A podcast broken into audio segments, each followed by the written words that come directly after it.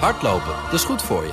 En Nationale Nederlanden helpt je daar graag bij. Bijvoorbeeld met onze digitale NN Running Coach... die antwoord geeft op al je hardloopvragen. Dus, kom ook in beweging. Onze support heb je. Kijk op nn.nl slash hardlopen.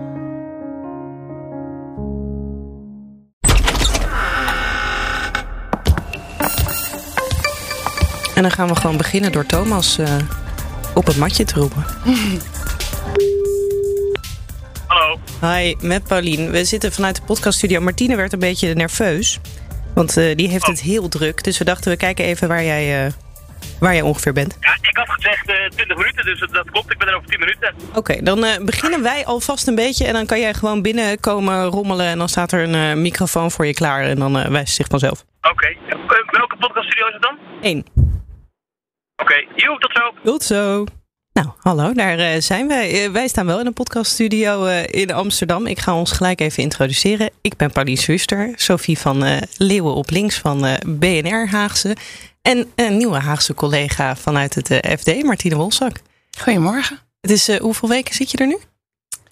Drie, geloof ik, nog niet eens. En de stress zit nu Twee. al tot hier. Ja, dat kan de luisteraar niet zien, maar heel, heel hoog. Nou, ik zei net, uh, ik ben shell-shocked. Uh, ik ben 1 september begonnen en uh, nou, de eerste minister is, is afgetreden. Ja. en nou ja, de, de, de, het idee dat die formatie nou toch zijn doorstad zou gaan maken, ik weet niet wie er nog in gelooft, maar... Jij na drie weken al niet meer? Nou, het is moeilijk om optimistisch te blijven, merk ik. Oh, ben, je, ben, je, nu al cynisch na drie weken, Martine? Ja, ik, zit, ik zit wel al een jaar of twintig in de journalistiek, hè? dus ik heb wat bagage. Daar word je sowieso wat cynisch van. Ik krijg wel regelmatig uh, appjes van jou, Martine, van... Ah, wat gebeurt hier? Wat, wat is hier aan de hand in Den Haag? Uh, als je net begint, um, je weet nog niet precies hoe, hoe de afspraken zijn, hè, hoe dingen letterlijk en figuurlijk lopen. Mm -hmm. En dan zit je ook nog met dat nieuwe Tweede Kamergebouw. En nou heb ik het voordeel dat niemand daar de weg weet op dit moment. Maar Klopt. ik natuurlijk al helemaal niet. Dus ik loop daar in eerste instantie rond van uh, waar moet ik zijn? Wie zit waar? Ja, D66 op de zesde etage is makkelijk te onthouden. VVD op de vierde. En nou, ChristenUnie, waar zit ChristenUnie ook alweer? Ik denk en waarom vijf. is dit makkelijk te onthouden, Sophie? De zes van D66. Ah, Oké, okay. ja, ja, ja. Maar het is nogal een doolhof. En dan moet je ja, heel veel dingen, als dit gebeurt, explosie, uh, kagen, toch een beetje onverwacht ja. uh, stapt op. Dan dat, je moet dan echt bij, bij die mensen langs, bij die woordvoerders, he, deur open rukken, he, hoofd uh, om de hoek. Wat gaat Kaag doen? Ja. Blijft ze of niet? En ze nemen hun telefoon niet meer op. Iedereen is in crisisoverleg. Nee, en dan, en dan, dan tref je er een bij de lift. En dan zeg je, wat gaat Kaag doen? En dan zeggen ze met een uitgestreken gezicht... ik heb geen idee. Ja, weet het en je denkt, ja, Doei. Ja, of ze zeggen, nou ja, als je die motie leest, dan kun je hem ook interpreteren als een motie tegen het kabinet. En ja. niet tegen haar persoonlijk gericht. Dus wij waren gisteren op zender al een beetje, nou ja, aan het voorspellen dat het allemaal wel zou loslopen met, het, met Kaag en, ja. uh, en haar vertrek.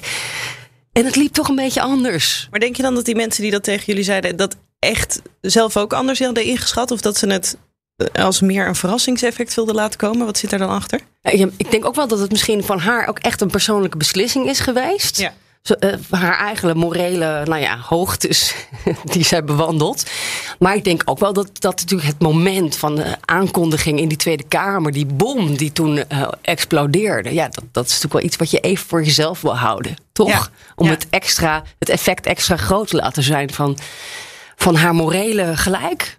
Ja, misschien hoopten ze ook wel, tenminste ik hoorde Rutte ook zeggen... ja, ik heb nog uh, met haar gepraat en kan ik je nog overtuigen... dat ze misschien intern ook dachten, nou, misschien kunnen we nog zorgen dat ze toch blijft. En hij, hij wist het dan een uurtje. Uh, Ja.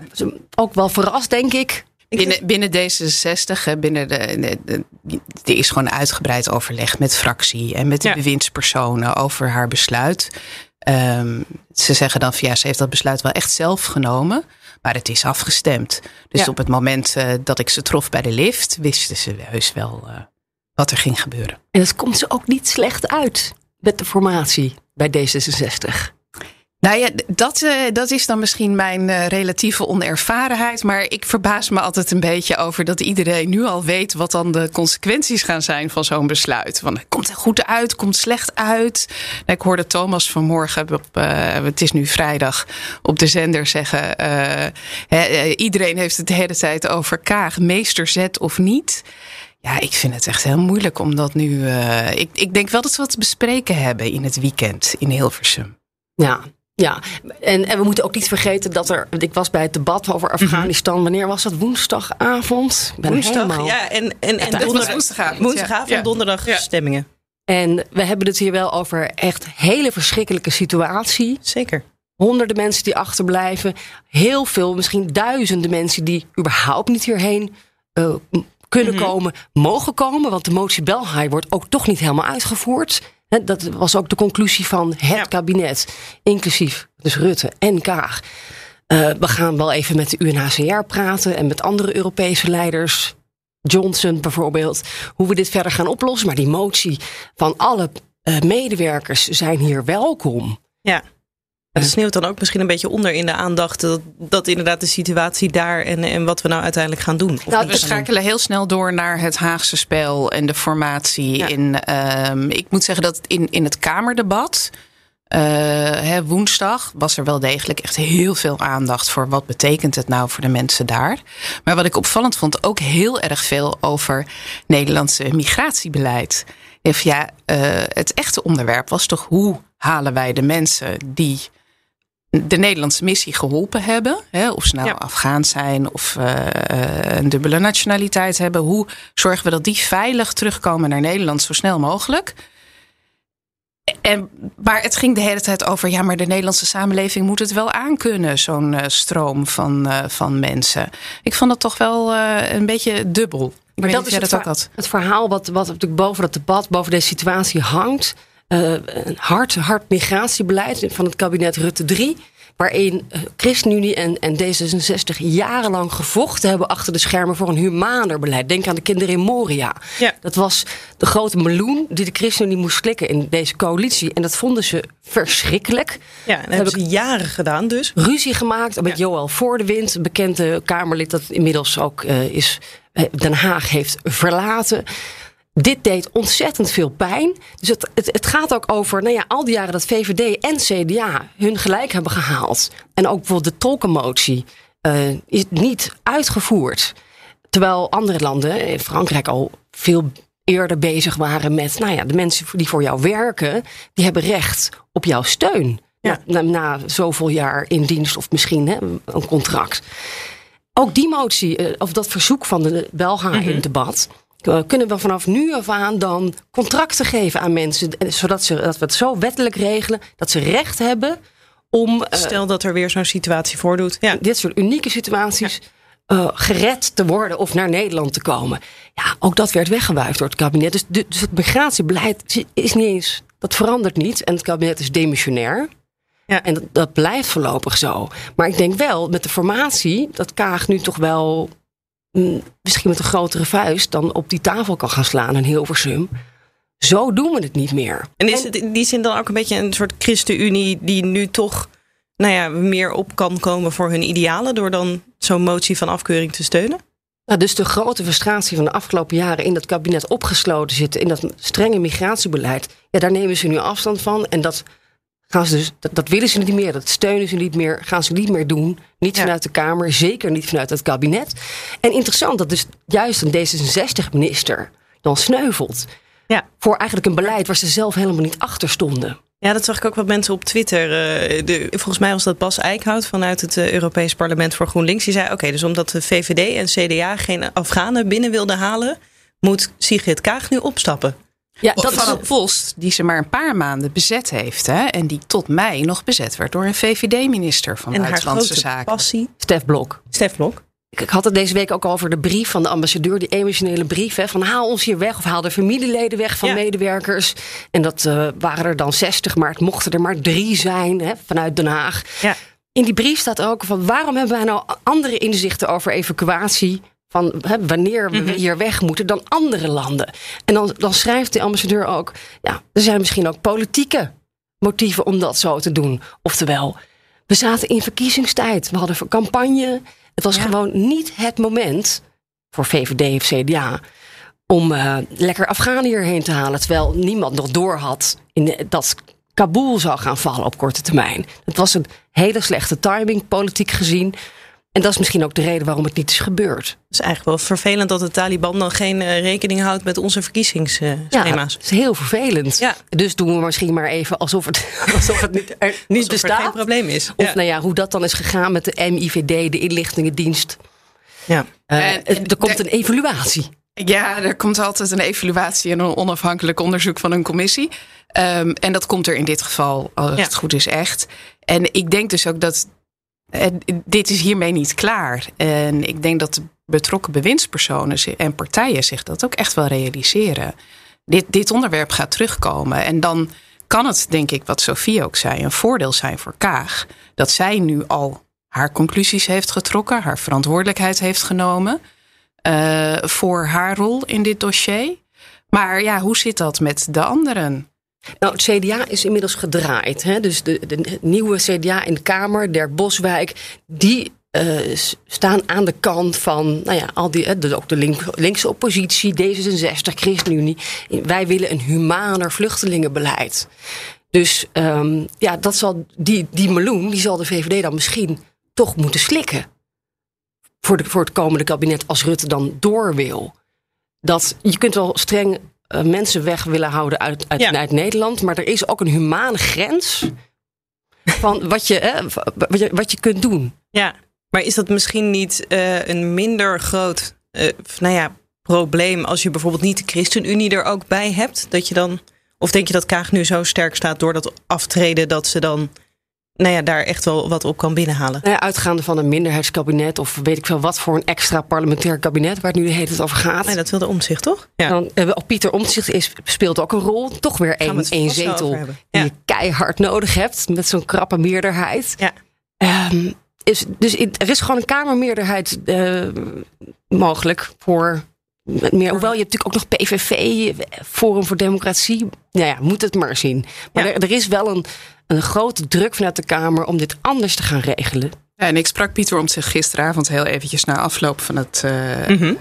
eh, de aankondiging van Kaag dat ze opstapt. Ja, en die, die is niet van plan dit Afghanistan-dossier op korte termijn los te laten. Dus die wil nog, nou ja, in eh, de oude traditie van Pieter Omtzigt nog een heleboel nieuwe stukken op tafel en onderzoek.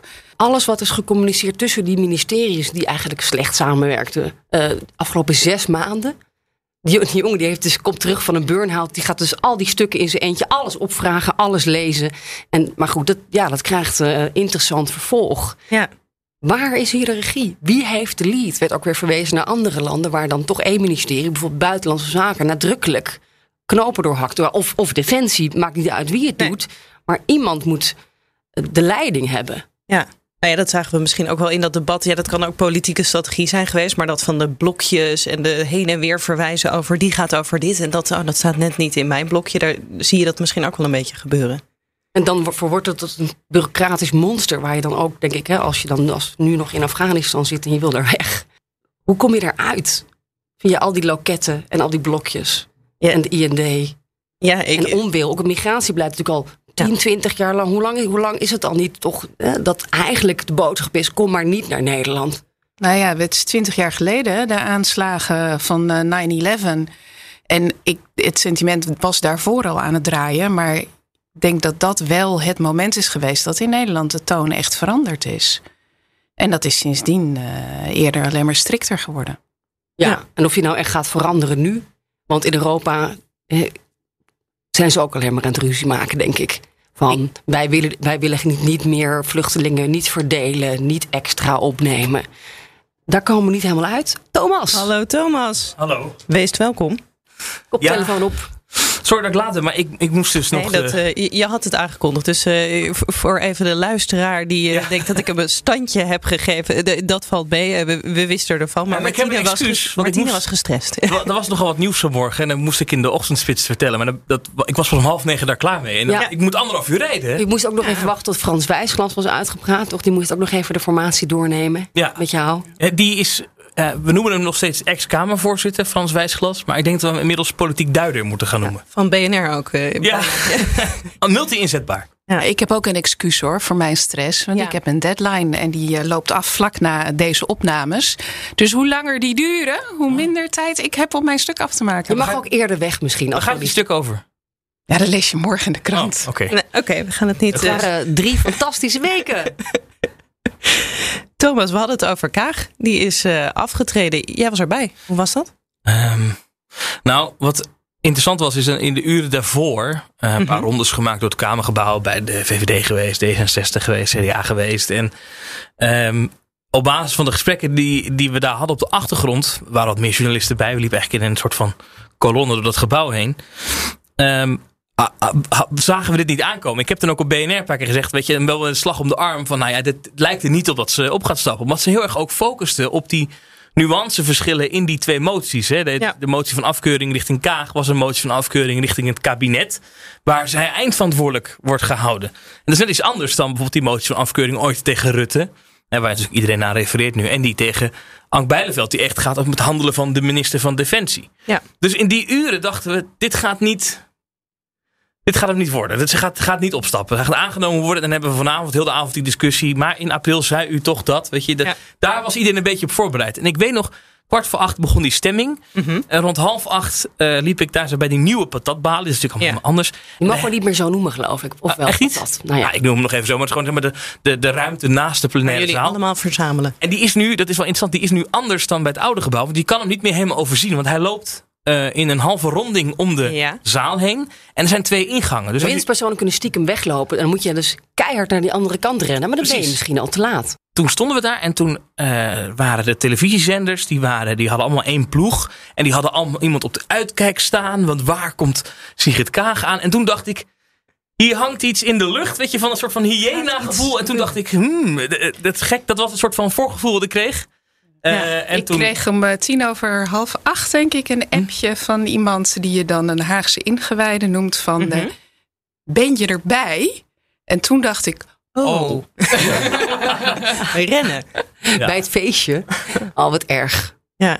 En toen was natuurlijk die stemming. En toen, eh nou, toen sprak ze die woorden daar dat ze, dat ze haar ontslag bij de koning ging indienen. Ja. En eh, we, hadden het al over eh, of het nou een meesterzet was of niet. En of we dat überhaupt al kunnen weten. In land jij in een van de twee kampen of niet? Nee, maar ik land wel in het kamp dat het toch opmerkelijk is dat we bij Kaag die vraag eh, zo'n beetje iedere twee weken kunnen stellen.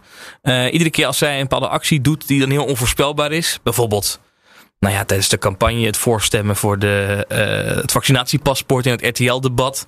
Oh ja. Eh, die keer dat ze eh, nou, vrij vroeg in de formatie al naar buiten kwam.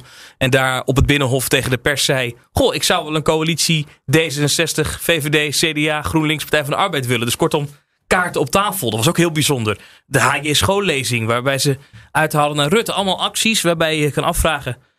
Is het nou een meesterzet? Of wat doet deze mevrouw? Dat is, Ja. en, de, en politieke analisten zijn er continu over verdeeld. Dat is heel interessant. En het is misschien ook haar nou ja, gebrek aan politieke ervaring. Maar dat ze ergens van anders vandaan komt dan die Haagse stof. Of ze is er gewoon extreem goed in. Dat kan ook nog.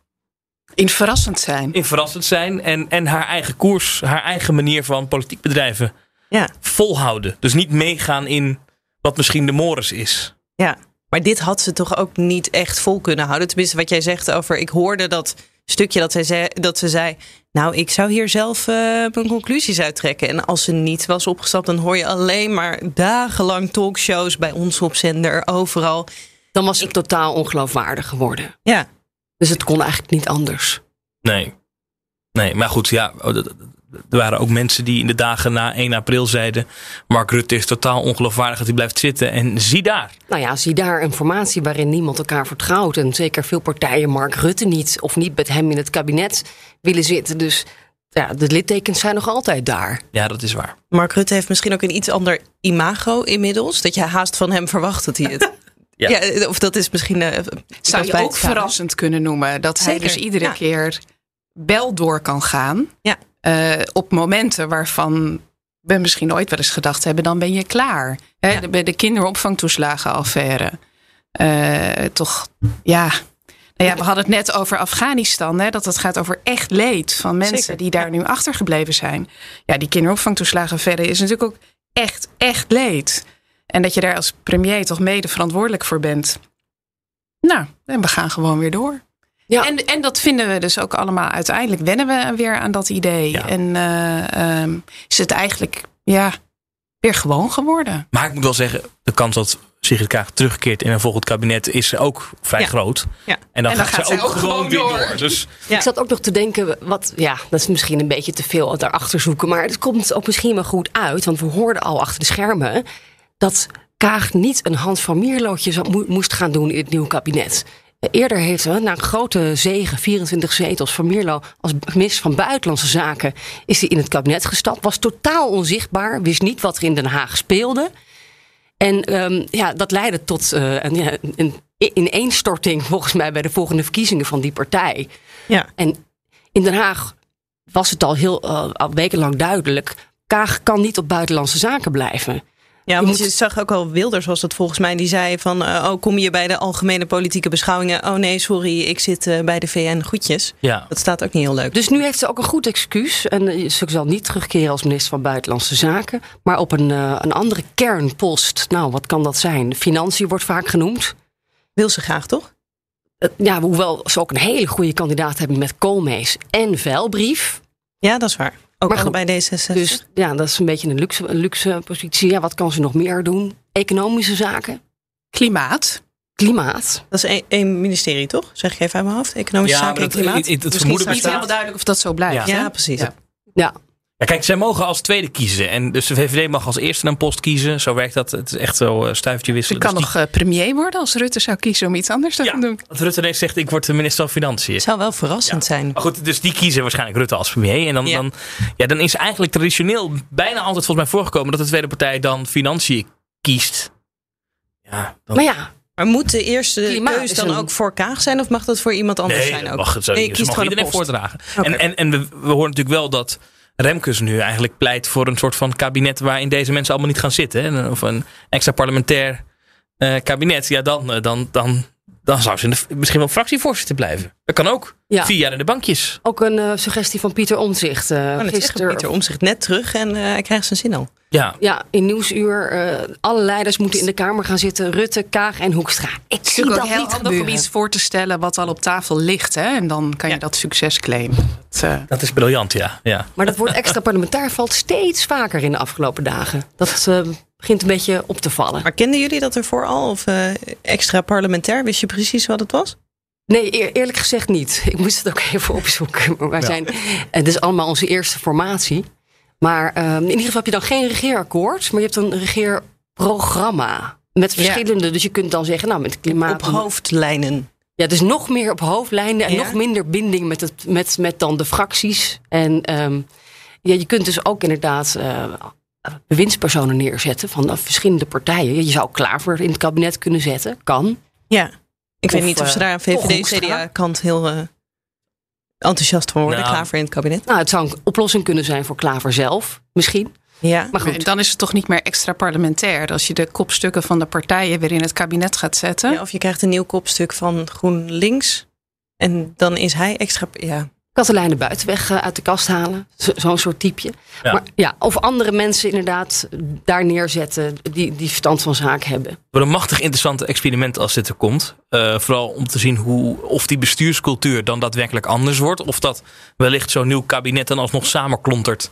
En ehm, toch de, eh, de, de paden naar de fracties wel achter de schermen weet te vinden. En toch op een eigen manier weet te doen. En wat gebeurt er dan met die Haagse afrekencultuur waar zoveel over gesproken wordt? Misschien wordt die alleen maar erger. eh, als je die binding met een coalitie die in de bankjes zit niet hebt. Ja. Dus dat wordt heel interessant. De laatste keer is geloof ik 100 jaar geleden of zo dat ze het gedaan hebben, toch? Ik, eh, daar hebben we Jaap Jansen voor nodig. Maar Eh, niet honderd jaar geleden. Ik heb, ik heb hem ergens, eh, volgens mij. God, ik, ik heb het antwoord. Het was Den Uil. Het kabinet Den Uil. het was wel voor mijn geboorte. Ja, blijkbaar hebben die toch nog wel wat voor elkaar gekregen. Ondanks eh, nou het extra parlementaire kabinet. Maar goed, ik, dat is echt heel ver voor mijn tijd. ja, Eh, ja, dat is wel lang geleden. Is het eigenlijk helemaal niet. Gewoon proberen. ik, ik was er Gewoon nog doen. niet in die Ik, tijd. ik was er ook nog niet. Jaren zeventig? Hele moeizame formatie. Ja. ja. Ik heb er geen bewuste herinnering Ja. aan. Of ik, ik moet Geen tijd herinnering. zeggen, ik heb er geen actieve herinnering aan. Ja. Hey, maar even terug naar, want eh, je had Ja. het even over de post van minister van Buitenlandse Zaken. Zeker. Wat heel interessant eh, wordt, en ik ben benieuwd of Martine de Insider al geappt heeft, eh, wie dat dan is zou kunnen gaan worden eh, tijdelijk. Ja. Oh, nu? Nou, ik denk gewoon Tom de Bruin. Dat is een topdiplomaat. Die heb ik zelf nog meegemaakt in Brussel. Die zit nu op uh, hè, buitenlandse, handel. Ja. Voormalige post van Sigrid Kaag. En ja, kom op jongens, voor die paar maandjes, twee Ja, maanden. maar wat je dat dus- doet die man er het is gewoon eigenlijk een. VVD-post. Ja, hè? precies. Het- Het begon met Halbe Zijlstra en toen Stef Blok. Nou is D66 een topminister, vinden ze zelf tenminste, kwijtgeraakt op deze post. Een een D66-leider is beschadigd geraakt. Gaan zij zin hebben, deze hete aardappel, nog heel lang... eh, Nee, wat ik proefde gisteravond na die, na die stemming was. Of de Bruin doorschuift. eh, dat zou kunnen, maar daar moeten, we, moeten ze nog even over nadenken. Of ze dat wel zien zitten. Maar ze zien het in ieder geval niet zitten om een verse kracht. ehm, eh, voor, voor zo'n korte periode naar het kabinet te sturen. En daar speelt mee dat als je nu iemand uit de Kamer daar naartoe stuurt.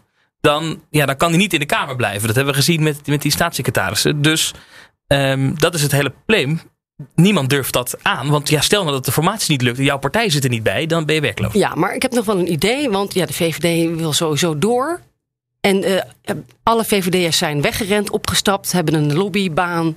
Dus ze hebben sowieso nieuwe bewindspersonen nodig. Hand en broeken kunnen ze nog wel, een eventjes, eventjes bellen. Ja, die is natuurlijk wel weggegaan met een, eh, met, met, een, eh, met een smetje natuurlijk. Ja, ja, dat zal weer, dat iedereen toch weer vergeten. Nou, ja, het zou kunnen. Nou ja, ze, ze hebben nog wel een paar mensen ergens. eh, Ik begreep wel van eh, Bernard Halburg. Dat was de eerste die mij belde na de stemming. Onze buitenlandcommentator. Die zit in New York. En eh, de strekking van het telefoongesprek was... Wie komt er naar New York? Want hij doet natuurlijk daar voor de VN. En hij zei ook dat de Nederlandse missie daar best wel een beetje... eh, Nerveus is. Ja, nerveus. Van ja, wie, wie komt er nou? Want ze zou met, met het koninklijke echtpaar geloof ik... en met de premier zou ook één dag komen. En dat was een heel programma rondom Kaag. Ach, hij had een opgebouwd. interview met haar ge- geregeld natuurlijk. En een eh, fantastische Ja. studio gereserveerd. Ja, dus, houdt niemand rekening met het eh, schema van Bernard Hammelburg? nee, nee. We hebben het al heel veel over Sigrid eh, Kaag gehad, het opstappen Afghanistan. Ehm, ik, ik was eigenlijk al bijna vergeten dat dit ook eh, de week was dat en Pieter Omtzigt terugkwam, de formatie weer verder door is gegaan, corona persconferentie en corona debat. Het, het was nogal een drukke week in mijn hoofd, maar jullie dus allemaal hoeveel eh, uren hebben jullie geslapen? Deze Oh, week? Ja, niet, ja, maar het, is wel, het gaat al heel lang zo, Pauline Den Haag. Sorry, Slaap Martine, sowieso nooit meer. Het is, eh, het is al sowieso een half jaar. Echt de, de, week, of de weken dat jij kwam, is het een gekke huis. Toen viel het kabinet. Ja. En, en, en sindsdien houdt het eigenlijk nooit op. Nee. Maar we hadden het deze week goed verdeeld. Op de dag van het Afghanistan-debat was Sofie de hele dag. Ja. En heb ik een dagje wat rustiger aangedaan. En eh, gisteren, nou ik zal niet zeggen dat ik het rustig aangedaan heb. We hadden het een beetje verdeeld, de onderwerpen. Dus dat was wel... eh, En ik wil dit weekend wel in de bosjes gaan liggen bij de Zwaluwenberg. Oeh, ja. Martine, hoe heb jij de eerste rollercoasterweek dan beleefd nu? Nou ja, jij kwam wat later binnen, Oh. maar mijn, mijn eerste, mijn openingstekst was: eh, Ik ben shell shocked. Ja. Ehm, ik natuurlijk, je weet dat als je naar Den Haag gaat, eh, alle, alle politiek verslaggevers eh, zeggen: Dit is topsport. En ik heb het ook al best wel aardig van dichtbij meegemaakt, wat Den Haag kan doen met mensen. Ehm, maar nou, ik had toch verwacht dat ik iets meer gelegenheid zou hebben om nou, eens een kennismakingskopje koffie Ja. met iemand te drinken en eh, ehm, eens ergens in in te lezen of zo. Maar nee hoor, het is gewoon hop, meteen volle bak. Je wordt geleefd door events, ja, door die achtbaan. Ja, en dat is natuurlijk van de, hè, voor de mensen die, eh, ehm, nou, misschien dat mensen me af en toe eens eerder gehoord hebben in Newsroom, ging het altijd over pensioenen. Zeker. Ehm, en ja, het tempo van de ontwikkelingen daar ligt wat lager, kan ik je vertellen. Ja. Hoewel rondom het pensioenakkoord natuurlijk ook echt heftige dagen zijn geweest. En ook heel veel politieke onderhandelingen. En heb ik ook wel eens heel lang moeten doorhalen. Met de slaapzak eh, in de Maar ja, dat pensioenakkoord is inmiddels meer dan twee jaar oud. En we zijn er nog niet. Dus het, ja, het is toch een andere... eh, Net iets ander Ja, ritme. net iets ander ritme. Wat doet het met je? Ga je het volhouden? Nou, tot nog toe merk ik dat ik er ook heel veel energie van krijg. Ik vind het ook, eh, eh, nou ja, ik zie Thomas druk knikken. En ik hoor het ook van veel mensen in Den Haag. eh, zowel de politici als de journalisten, als iedereen eromheen. Het heeft ook iets verslavends. En tegelijkertijd wil ik daar eigenlijk zelf een beetje voorzichtig in zijn. Omdat je voor je het weet, ben je alleen maar aan het hollen, hollen, hollen. Ja. Ehm, Van brand naar brand. van brand naar brand en heel erg bezig met, met het spel. Eh, en ik vind dat zeker bij het Financieel Dagblad we het ook gewoon heel erg over de knikkers moeten hebben. Ja. Dus eh, eh, het geld. Ja. Wat heb jij nu gezien de afgelopen weken? De uh, kritiek is, Den Haag is veel te veel met zichzelf bezig. En wij ook, wij Haagse journalisten. Nou, wat ik dus op uh, wat mij is bijgebleven. Ik ben bij een uh, gesprek geweest met de vakbonden, met de commissie Financiën van de Tweede Kamer over hoe het nu gaat bij de Belastingdienst naar de ja. kinderopvangtoeslagenaffaire. Daar was verder geen enkele journalist bij. En wij hebben daar een paar maanden geleden over geschreven dat, dat de vakbonden de noodklok luiden. Het gaat echt niet goed daar. Mensen bezwijken onder de werkdruk, zijn ook ontzettend aangedaan door wat er door hun belastingdienst mensen is aangedaan, willen dat heel graag anders doen. Maar het lukt niet. En iedere keer weer komen er stapels vragen uit de Kamer. En weer een nieuw plan en weer een nieuw besluit. En zij zeggen: jongens, hou daar nou eens mee op. Geef ons de rust en de ruimte om dit probleem op te lossen. En kom eens met ons praten om te vragen hoe we dat moeten doen. Dit is hun kant van het verhaal. Er staat natuurlijk een andere kant tegenover. Maar ik vond het wel symbolisch eigenlijk voor. Uh, uh, zij zaten daar een noodkreet af te geven. Dat ging niet alleen over de Belastingdienst, maar bijvoorbeeld ook over de douane. Uh, alle douaniers moeten gescreend worden nu vanwege dat uithalen in de Rotterdamse haven dat er dus soms, ja, de, we zijn de, Coke Central in Rotterdam. Uh, en daar zitten ook corrupte douaniers tussen. Nou, die vakbonden zeggen. Er zijn duizenden douaniers die nooit in de haven komen. Waarom moet nu iedereen in ene gescreend gaan worden? Wat weer ontzettende belasting voor de organisatie is. Ja, dat wil die, daar ging helemaal niemand op in. Die begon alleen maar meteen weer te vragen: ja, maar hoe zit het met de kinderopvangtoeslagenaffaire? Dus die bonden waren achteraf een beetje gefrustreerd van ja, wij kunnen onze inhoudelijke boodschap hier niet kwijt. Nou, dat vond ik zelf wel. Dat ik denk, nou, die wil ik proberen in mijn achterhoofd te knopen. En dat vol te houden. Ook een klacht die ik hoor van uh, nieuwe Kamerleden is dat er bijvoorbeeld als het gaat om de berg aan Europese wetgeving die hier die op ons afkomt. Mm -hmm. Om maar één voorbeeld te noemen, de Green Deal. We ja. worden eigenlijk geregeerd ook door wat er in Brussel wordt besloten op dit moment. Dat Den Haag ontzettend achter de feiten aanloopt. En dat ook die commissievergaderingen waar mensen er worden bijgepraat van wat gaat er gebeuren? Of misschien over een paar jaar waar zijn ze mee bezig? Bij de commissie voorstellen met een lange adem. Daar zitten soms maar twee drie vier mensen uit de Tweede Kamer. Ja. en de rest heeft geen tijd het interesseert ze niet. Terwijl dat de ja. basis is van waar wij met z'n allen naartoe gaan. Wat wil je met 18 fracties? 19 19 oh ja 19 inmiddels. Ja die hebben allemaal die, die zitten alleen op de hoofdthema's ik zat woensdagochtend dus even bij een debatje over het pensioenakkoord. Gezien mijn vorige hobby, hè, ja. pensioenen. Het is nog steeds een hobby, toch? Ja, zeker. Die liefde die gaat nooit meer over. Uh, dus ik dacht, ik, ik pak dat even mee. Dat was vlak voordat het Afghanistan-debat begon. En daar vroeg dus uh, Hilde Palland van het CDA om een technische briefing over het pensioenakkoord. Zij is nieuwe woordvoerder op die portefeuille. Want Pieter Omtzigt, ja, die deed het altijd. En die is weg. Uh, en toen zei de minister: Ja, maar ja, de stukken zijn er nog niet. De wetsvoorstellen zijn nog niet af. Dus ik ga daar nu geen briefing over geven. Nou, ik weet ongeveer hoe dit wetsvoorstel eruit gaat zien. Dat is een pak papier, jongens. En het is super ingewikkeld. Met heel veel jargon, heel veel techniek. Ja, en dat wordt dan natuurlijk weer vlak voor middernacht voor het debat naar de Kamer gestuurd? Nou, dat zal bij dit wetsvoorstel niet het geval zijn. Zoals het geval was bij de Kamervragen over het Afghanistan-debat. Wat denk ik ook heel erg de toon gezet heeft hè, voor dat debat. Zeer veel irritatie. Ja, mensen waren echt woest. Ja. Uh, maar ik, dat ik denk van ja, wij moeten als journalisten veel doen. Maar als je ziet wat een onderwerpen die Kamerleden op zich afkrijgen. En de bergen stukken. Ja. En tegelijkertijd blijven ze zelf ook maar meer stukken, meer stukken, meer stukken, meer details. Um, als nieuwkomer verbaas ik me daar een beetje ja, over. En dat ik me ook wel eens afvraag: gaan die Kamerleden nou niet. Schieten ze niet door in dat detail? Ja. Een informatievraag, ja. Nou, misschien komen we zo wel logisch. Of wil je iets zeggen, Sophie? Nou ja, we komen zo heel logisch bij de vraag: hoe gaat Pieter Omtzigt? Dat is precies wat ik dacht. Ik, ik, ik begrijp niet uh, hoe hij zonder burn-out, of eigenlijk nog, met, nog steeds met, uh, met een beetje burn-out. Ja, ik zat het, zat het, net hoe te kijken. Dit gaat overleven. Hij uh, was nog, ik had er met Thomas van tevoren even over, dat hij was nog een beetje, Thomas niet, maar Pieter Omzicht emotioneel. Ook in dat gesprek met Nieuwsuur zelfs al zag je dat hij het... Wij hadden het al eerder gezien achter de schermen ja. in de Tweede Kamer. Um, toch met een beetje respect voor hem, maar niet meteen, nou ja aan Nederland vertellen dat hij nog steeds niet helemaal beter is. Maar zo loopt hij daar rond. Een beetje met waterige oogjes en. Nou ja, zeer over. broos. Ja. Ik moet even aan het ja. broze lijntje van uh, Mariette Hamer denken, maar echt broos. En um, nog steeds overwerkt. En En alleen. En geen geld en twee vrijwilligers. Ja. Ja. Wat ik dan weer niet helemaal begreep. Ja. Is dat je dan ja, best wel uithaalt naar de pers op eh, social media. Dat deed hij. Hè? Ja, een foto dat hij Ja. belaagd wordt eigenlijk. Dat was de, collega Jair van, eh van Jinek, die, die op die foto stond. Vond ik eh, vond een beetje een lullige aanval eigenlijk richting Jair. Want ja, als je terugkomt als, als Kamerlid, dan is het toch best logisch dat de pers je staat op te Ja. wachten. Ik vind dat niet zo heel gek. ja, om zich twitterde ben. daarna wel van dit ging niet over de Nee. personen op de foto. Nee, maar vervolgens zegt hij ook, ik ga niet in talkshows zitten de- deze Ja. week. En de dag erna zit hij in Nieuwsuur. Is Nieuwsuur een talkshow? Ja, dat is, ja, ja. ja. Kunnen we misschien nog net over twisten, goed, maar, maar- ik snap wat je bedoelt. het, Ja. het is dubbel. Aan Ja. de ene kant vraagt hij de pers eh, van hè, ga een beetje voorzichtig met mij om. Want het is nog.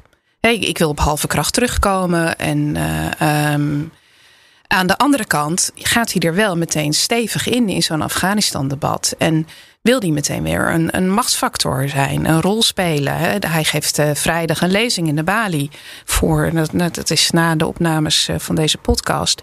Eh, ja, dat kondigt hij zelf ook voortdurend aan. Hè. Dan ga ik mijn plannen ontvouwen. Ja, zijn Dus- spreekbeurt noemt hij het. Wat ik een heel schattige benaming vind. Maar daarmee ja, geeft hij ook wel aan, ik, ik wil wel echt wat betekenen. Ja, daar hoort bij dat je ondervraagd wordt. Ja. En dat je gevolgd wordt. Dat, Wij controleren ook weer Pieter Omzicht. Dat is ook een, ons werk en deel van de democratie. Ja. Maar ja, het wordt... eh, En voelen jullie je daarin dan een beetje tegengehouden? Om eh, hem bijvoorbeeld te benaderen de komende tijd, juist omdat het dan zo naar buiten. Nou, ik. eh, Ik heb hem deze hele zomer niet gebeld, geappt. eh, Nee. En ook nu niet. Ik wel een paar keer en eh, toen zei hij, ik, Sophie, ik wil een stilte terugkeren. Dus toen dacht ik, oké, dat respecteer ik. Ja. Van de week dus ook in de, in de Tweede Kamer. Laat me even met rust, twee vragen is genoeg. En eh, ik heb nu het nummer van zijn nieuwe woordvoerder. Die dus volgens mij vrijwillig voor hem werkt. Ik denk dat het een student is. En afgesproken dat ik in principe haar benader. Ja. En hij heeft ook al gezegd, we gaan een keer koffie drinken binnenkort. jij en Pieter. Ja, ik misschien wilde als jullie mee willen, maar ik weet niet of, of dat dan weer te veel is voor Pieter. Ah, ja. het is allebei zin. Maar dan heeft wel Martina eindelijk haar kopje kennismakingskoffie. Ja. Eh, Pieter Omtzigt ken ik al een tijdje. Want die Want heeft pensioenen. een hele grote Ah. hobby. En dat Ja. is het pensioenakkoord. Oh, En pensioenen. Een Aan jou wil Dus, vragen. ja. Ik zat te googlen op de Zwaluwberg. Die, de, de- waar dus dit weekend die ehm, eh, eh, Waar Remkes. Remkes en, formatie gaat, hè, ja, waar ze een weekendje gaan slapen. het, Ja. Ik, ik kwam wat dingen dat, dat daar ook voor pensioenakkoord ook wel eens overleggen zijn geweest. Ja, dat klopt. Ja. Oh, heb jij daar in de bosjes gelegen? nee, ik heb Oh, niet. niet in de bosjes Ik dacht, gelegen. misschien heb je tips voor ons Ja, waar, we het beste ja, binnen kunnen nee, kijken. Of, Nee.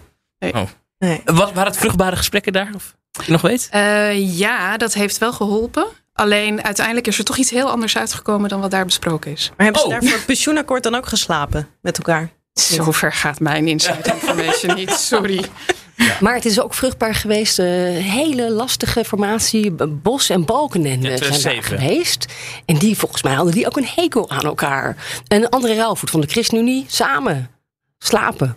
De Zwaluwenberg. Tussen de jachtgeweren van Prins Bernard. Weet je, de kroonluchters. Ja. Een mooie romantische tuin met rozen erin. Nou, dat in heeft die wel zin is iets het jammer dat opgeleverd. eh, Klaver niet meer echt in die formatie zit. Want met- dan zie ik die gelijk met zijn pyjamaatje weer eh, die foto. Weten jullie dat nog? Was het een eikeltjes pyjama, kastanje pyjama, zoiets? Had hij, stond hij op Twitter? Nee, staat ook dat even niet helemaal Ja, oh, die eikeltjes pyjama. Ja, Eikeltjes die- pyjama, ja. Maar nee, de- daar moest ik dan aan denken. Maar ik weet niet wat... Jij bent de eh, echte Haagse insider hier. Zeker, zeker. Maar wat, wat vanavond, eigenlijk nadat wij het opnemen, zouden eigenlijk Kaag en Rutte nog samen naar Engeland vliegen.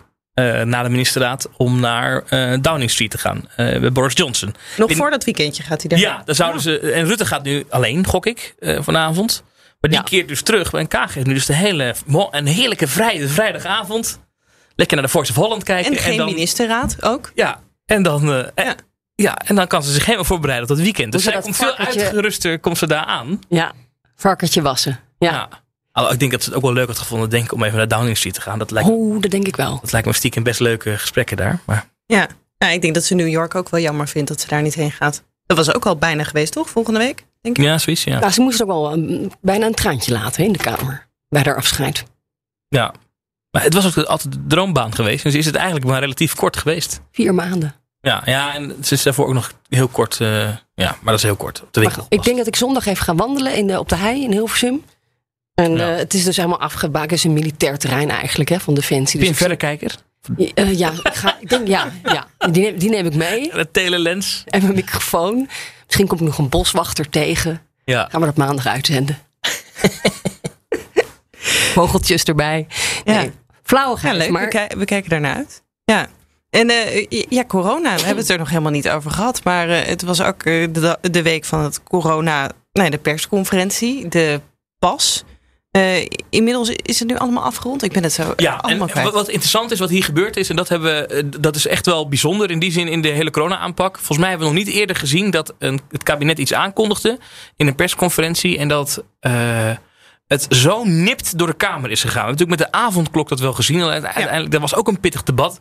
Maar daar konden we vooraf toch wel aardig inschatten, dat gaat het wel redden. En hier hebben we toch gistermiddag tijdens het debat toch een paar keer dat ik dacht, oeh, eh, het wordt wel heel nipt. En het was ook echt nipt voor het kabinet dat dit er kwam. Eh, uiteindelijk heeft de Partij van de Arbeid daarbij eh, een belangrijke Ja, rol wat gespeeld. gebeurde er nou? Want ja, ik, ik begreep al van nou, de fractie Den Haan was om, want de ouderen wilden het wel. GroenLinks twijfelde een beetje over die terras, maar uiteindelijk, dus PvdA GroenLinks werden gespleten. Die deden iets anders. Ja. Terwijl ze eigenlijk verloofd zijn. Wat Ja. gebeurde er dan? Dat de PvdA opeens instemde. Adje Kuiken. Ja, dat had dus te maken met het compromis ook over die terrassen. Ja, Ja. En, en zij zei, ik had liever gezien dat we nog wat langer in de huidige situatie door waren gegaan. Ehm, maar ja, als het dan zo moet, dan... En dat heeft ook mee te maken, je hebt het al tegen heel de wereld verkondigd dat dit er komt. Ja, dan is het wel heel moeilijk als je dat dan nog een keer... hè, Ja, dat is natuurlijk elke keer dat je eerst zo'n persconferentie krijgt. Oh, dit is hoe de wereld eruit gaat zien. En dan, oh ja, de Kamer. En daar heeft de Kamer zich wel over uitgesproken. Van dat willen we eigenlijk anders. Maar de vraag is of dat in de praktijk ook echt kan. Want, eh, Hoe bedoel je? nou ja, kijk, in crisismanagement, het is nog steeds een crisis natuurlijk. En stel dat nou straks die, die coronabesmettingen als een gek oplopen. Ja. Dan heb je niet echt tijd om eerst een hele dag met de Kamer te gaan debatteren. Dan, eh, en, dan, en dan een persconferentie te houden. Want dan heeft heel Nederland het Kamerdebat al gezien. Ja. Het wordt een heel raar... Het voelt een beetje alsof je de uitzondering gebruikt om te. eh, nou ja, eigenlijk goed te praten wat je doet eh, in de lopende situatie. Want het was nu niet, natuurlijk niet een acute crisissituatie. Nee, dat dat er iets mis zou gaan ja. als die anderhalf Ja. meter niet gelijk wordt dat losgelaten. ben ik wel met je eens. Dat het toch een beetje de verkeerde volgorde is van de, de eerste golf. Toen we helemaal hoog in de boom van de crisis en de, en de shock, de shell shock zaten. Ja. Waarom, waarom gaan we door met op deze manier communiceren? Dit gaan we doen. Terwijl er misschien geen draagvlak voor is, of nauwelijks. En daarom, omdat het nu ook niet een. Het moet nu crisis, crisis, crisis ingrijpmoment was. Ja. Was het des te vreemder dat de steunpakketten. eh, voor de sectoren die getroffen worden door deze maatregelen. nog niet af waren. of nog niet bedacht waren. of nog niet in kan en kruiken waren. in ieder geval op het moment dat het werd aangekondigd. Dat is eigenlijk. kan je dat toch niet maken naar, naar, naar eh, die sectoren. Je hoort. op 1 oktober valt je steun weg. Eh, en er komt nog wel iets, maar dat hebben, we konden wel vast aan met welke beperk- beperkingen je te maken krijgt. Maar nog niet met hoe we dat voor je gaan compenseren. Terwijl je wist dat het eraan kwam. Ja. Ja. Ja. maar goed, we hebben wel ook zelf gebracht deze weken. En dat stond ook in de brief uiteindelijk naar de Kamer. dat er TVL-achtige maatregelen komen. Dus de, de goedkoming vaste lasten wordt dan deels soort van doorgetrokken voor Ja. de getroffen sectoren. Ja, dat is leuk dat je dat zegt. Ik kreeg vanmorgen een ondernemer die mij wel eens vaker wat stuurt. Die heeft in juni heeft die, eh, zijn TVL aangevraagd. Die, ik kreeg, die kreeg vanmorgen een mail van het RVO, hè, die voeren dat uit. U heeft een aanvraag gedaan voor de regeling subsidiefinanciering vaste lasten COVID-19, de TVL. Ik kan me voorstellen dat u zo snel mogelijk wilt weten of u subsidie krijgt. Tot onze spijt lukt het niet binnen de afgesproken acht weken. Oh. Gaan we weer. Maar dan denk je, oh, ik krijg een mailtje. Eindelijk duidelijkheid. Het Nee, is het. Oh, Nee. nee, sorry. ja. Het gaat dus langer duren. Ook dus, en dan hebben we het nog over de vorige regeling van de TVL. Die, duurt, die loopt al uit. Die mensen hebben hun geld nog niet. Ja. En dan gaan we alweer een nieuwe regeling En het weer over de uitvoeringen. Dat is echt een van de grote problemen van deze tijd. De uitvoerbaarheid van wat we, alles wat we bedenken in Den Haag. En eh, ja, het, komt, het komt niet, het komt te laat. Ja. Nou, Ja, ja, maar- dat was een van de zorgen ook bij dat gesprek met de, van de bonden met de Belastingdienst. Dat per 1 oktober de belasting weer geïnd gaat worden bij bedrijven die uitstel hebben gekregen Oh ja, vanwege tuurlijk, ja. corona. Oei, dat klinkt een beetje als eh, de, hè, de situatie in de zorg... waarbij je al het achterstallig onderhoud en al die operaties moet gaan inhalen. Nou, die ble- heb ik van, eh, van de week bij jullie op zender gehoord dat dat reuze meevalt. Dus misschien valt dit ook nog wel mee. Eh, maar Ja, er wordt wel bezorgd naar uitgekeken. Wel daar volgens mij wel de verklaring was dat sommige mensen gewoon die zorg ook niet meer gingen halen. Hoewel ik denk dat de Belastingdienst eh, eh, achterstallige belasting wel nog komt innen. Als Me- dat, meestal wel, ja. Ja, Ja, ja. Ja, dat Ja, jammer. wilde je een jaartje niet betalen. Ach ja. Thomas, ik had toch een vraag voor jou. Jij zat uh, vast na die persconferentie uh, ja. door de, uh, ja, ik wilde wappies zeg maar, demonstranten tegen de coronamaatregelen. Ja. En, en toen zag ik je wel nog bij op één. Ben je ergens in een taxi gesjeest of hoe is dat gegaan? Nou, dit was wel een stressvol moment, want die persconferentie duurde vrij lang. Kwart over acht was het pas afgelopen. Dus een uur ja. en een kwartier. Was weer echt een forse, ook omdat iedereen weer 22 vragen stelde, geloof ik, zoiets. en toen, nou, afgelopen, ik denk, nou, pak gelijk mijn spullen. En ik liep richting de deur daar. Je moet je voorstellen, we zitten in het gebouw van het ministerie van eh, Veiligheid en Justitie. Op de eerste etage. En uh, liep richting de lift en er stond een hele grote beveiliger voor de deur. Nee!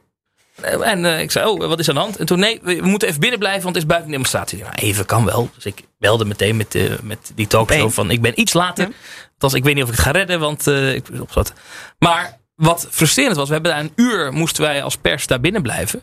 Ja. Maar we zagen op Twitter al wel beelden dat de jongen bijvoorbeeld gewoon wandelend het gebouw uit was gekomen. En ik had contact met iemand die buiten stond.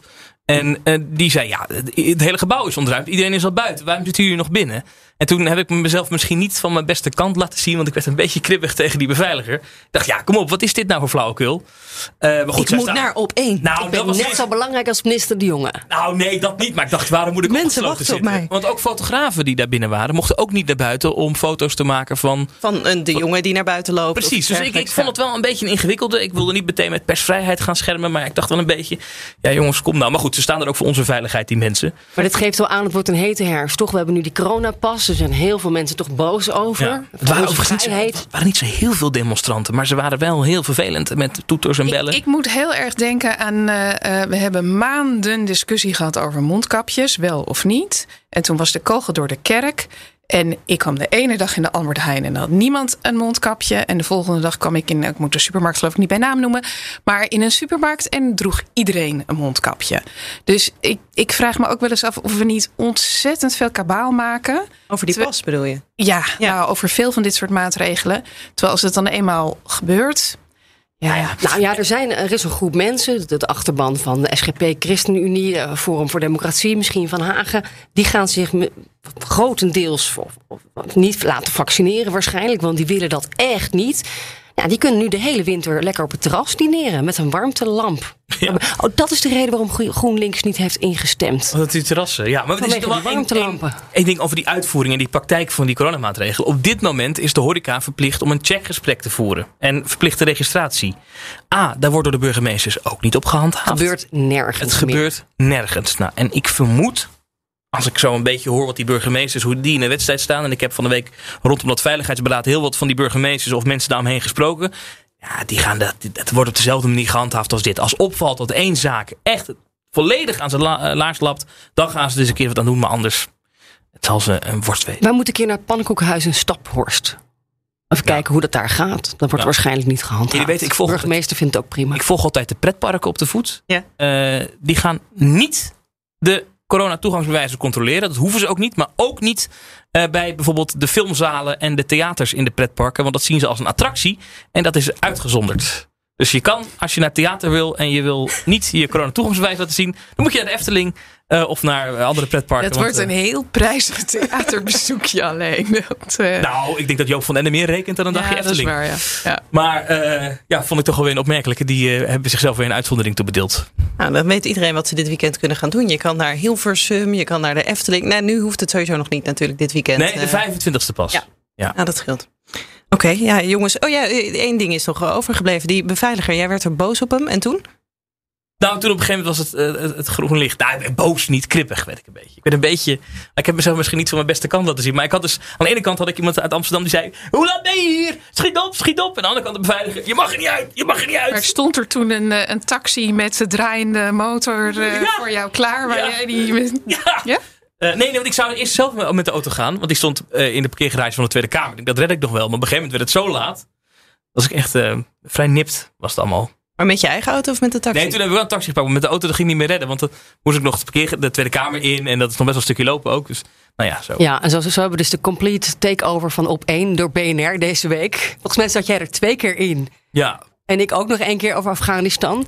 Ja. Ze hebben geen andere politieke duiders dan wij. Nou, nee, maar dit is wel een serieus probleem volgens mij. Dat hebben we. eh, BNR Breekt is een programma hier op Ja. BNR. Die belde mij vanmorgen. Ik zei, ja, dat kan niet, want ik zit in de opname van de podcast aan. Die zei, ja, maar geen enkele politiek duider is beschikbaar. Dat is echt een gat in de markt. Ja, Martine. op de markt, Martine. Ja, ik, ik- ga me eerst nog even inlezen, Thomas. Dit is wel eh, heel wat. Rekening sturen. Volgende week daar op één. of bij BNR Breekt. Als het even kan.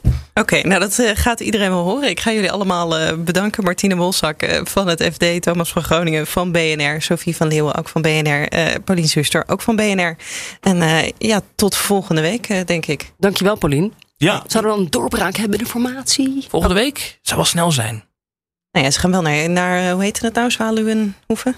De Zwaluwenberg. Ah, Remkes had er zelf oktober En- opgelegd. Oké. Uh, ja, maar het is al bijna algemene politieke beschouwingen. En dat wordt nog heel interessant of Sigrid Kaag die zelf gaat doen.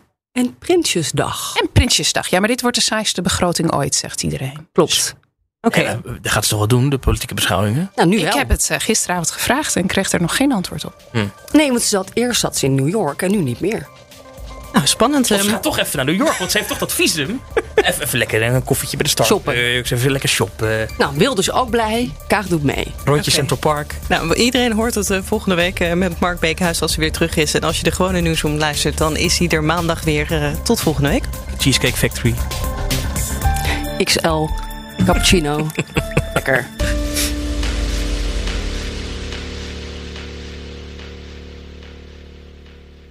Business Booster. Hey ondernemer, KPN heeft nu Business Boosters. Deals die jouw bedrijf echt vooruit helpen. Zoals nu, zakelijk tv en internet, inclusief narrowcasting... de eerste 9 maanden voor maar 30 euro per maand. Beleef het EK samen met je klanten in de hoogste kwaliteit. Kijk op kpn.com slash businessbooster. Business Booster.